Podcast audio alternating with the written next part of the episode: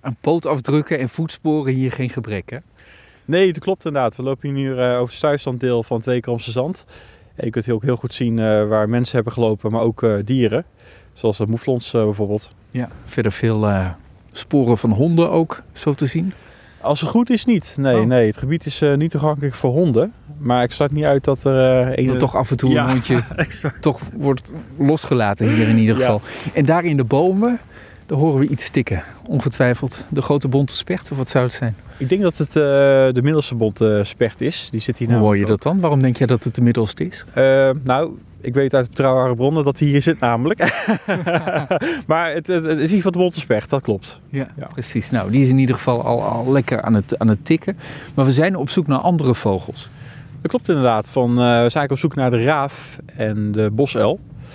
En um, als het goed is, dan um, is, de raaf, is de raaf nu al bezig met het uh, maken van een nest. Want uh, eind februari dan uh, beginnen ze al met broeden. En dat is voor vogels is dat vrij vroeg.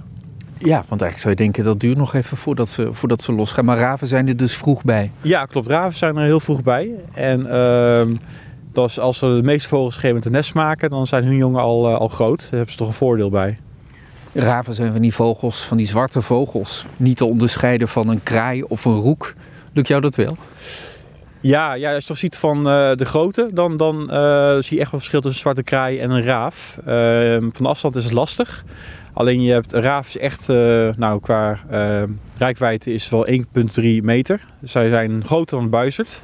Het is echt een hele grote vogel. We zijn op het Wekeromse Zand, vertelde je al. Nou ja, we zijn dus op een plek met wat stuifzand, wat heide her en der en ja, stukken bos met veel dennenbomen. Is dit dan typisch goed leefgebied voor, uh, voor de raaf? Ja, het is wel echt wel een biotoop waar de raaf wel uh, van houdt. Er zitten ook oude boskernen liggen hier. Nou, de raaf maakt daar graag nest in. Er is ook een genoeg voedselaanbod door, van kadavers of andere dieren die ze op het menu staan. Maar ze eten ook bessen en, en andere vegetatie. Dus ze zijn echt alleseters. Ja, een gevarieerd menu. En nu zijn ze dus al bezig met de voortplanting. Hoe gaat dat? Ja, goed, ze zijn eerst uh, natuurlijk aan balsen. En dan uh, maakt het uh, vrouwtje maakt een nest. En het mannetje die levert vervolgens de takken aan. Dus de vrouw nee, is echt de bouwer. En is dat dan een groot nest? Ja, het moet bijna wel, als het ook zulke grote vogels zijn. Ja, het zijn behoorlijk grote nesten. er zoeken ook echt plekken bij, ze zijn wel territoriaal. Ehm, normaal leven ze groepen. Maar als ze nest maken, dan uh, gaan ze echt apart op zoek naar een locatie waar ze dan uh, jong kunnen grootbrengen. Moeten we hoog in de boomtoppen kijken om een nest te vinden? Nou, ze kunnen op 30 meter hoogte kunnen ze een nest maken. Dat is echt, uh, echt behoorlijk hoog. Ja. Je hebt een verrekijker meegenomen. Dat klopt inderdaad. Ja, een hele goede. een hele goede. Ja, dat hebben we wel nodig. Zullen we eens kijken of we wat, uh, wat kunnen zien. We hadden gehoopt ook al te horen, maar dat is nu in ieder geval nog niet gelukt. Maar het waait ook een beetje, het is koud, dus misschien denken die vogels ook van we doen het rustig aan. Ja, dat denk ik ook, want uh, twee dagen geleden was ik hier ook. En toen hoorde ik hem volop uh, roepen. Echt dat kenmerkende ravengeluid. maar nu heb ik van mij nog niks gehoord. nou, we gaan eens kijken of we, of we toch iets kunnen horen of kunnen zien van de raven. Dan hoor ik ineens een helikopter. Ja, ja Defensie uh, waarschijnlijk. Ja, dus dat, ja uh... die oefenen hier ook in de buurt. Ja. Op de Veluwe, hè, daar gebeurt dat. Oh, kijk, daar vliegt iets. Uh, dat is de bontspecht.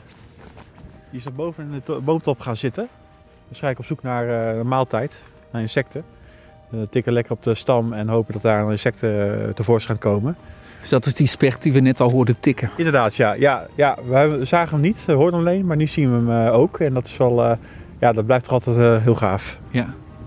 En dan is dit zeer waarschijnlijk, hij zit hoog, dus moeilijk te zien, maar zeer waarschijnlijk de middelste bonte. Dat, dat geloof ik wel. Kijk, dan zie ik hem weer. Ik zie hem net wegvliegen. Ja, ah, nu is hij weg. Ik heb wel eens gehoord dat de middelste bonten en de grote bonten, dat je dan een verschil hebt dat uh, de middelste bonten ook meer op de zijtakken te vinden zou zijn. Dat, uh, dat klopt inderdaad, ja. In dit geval zat hij uh, in de boomtop.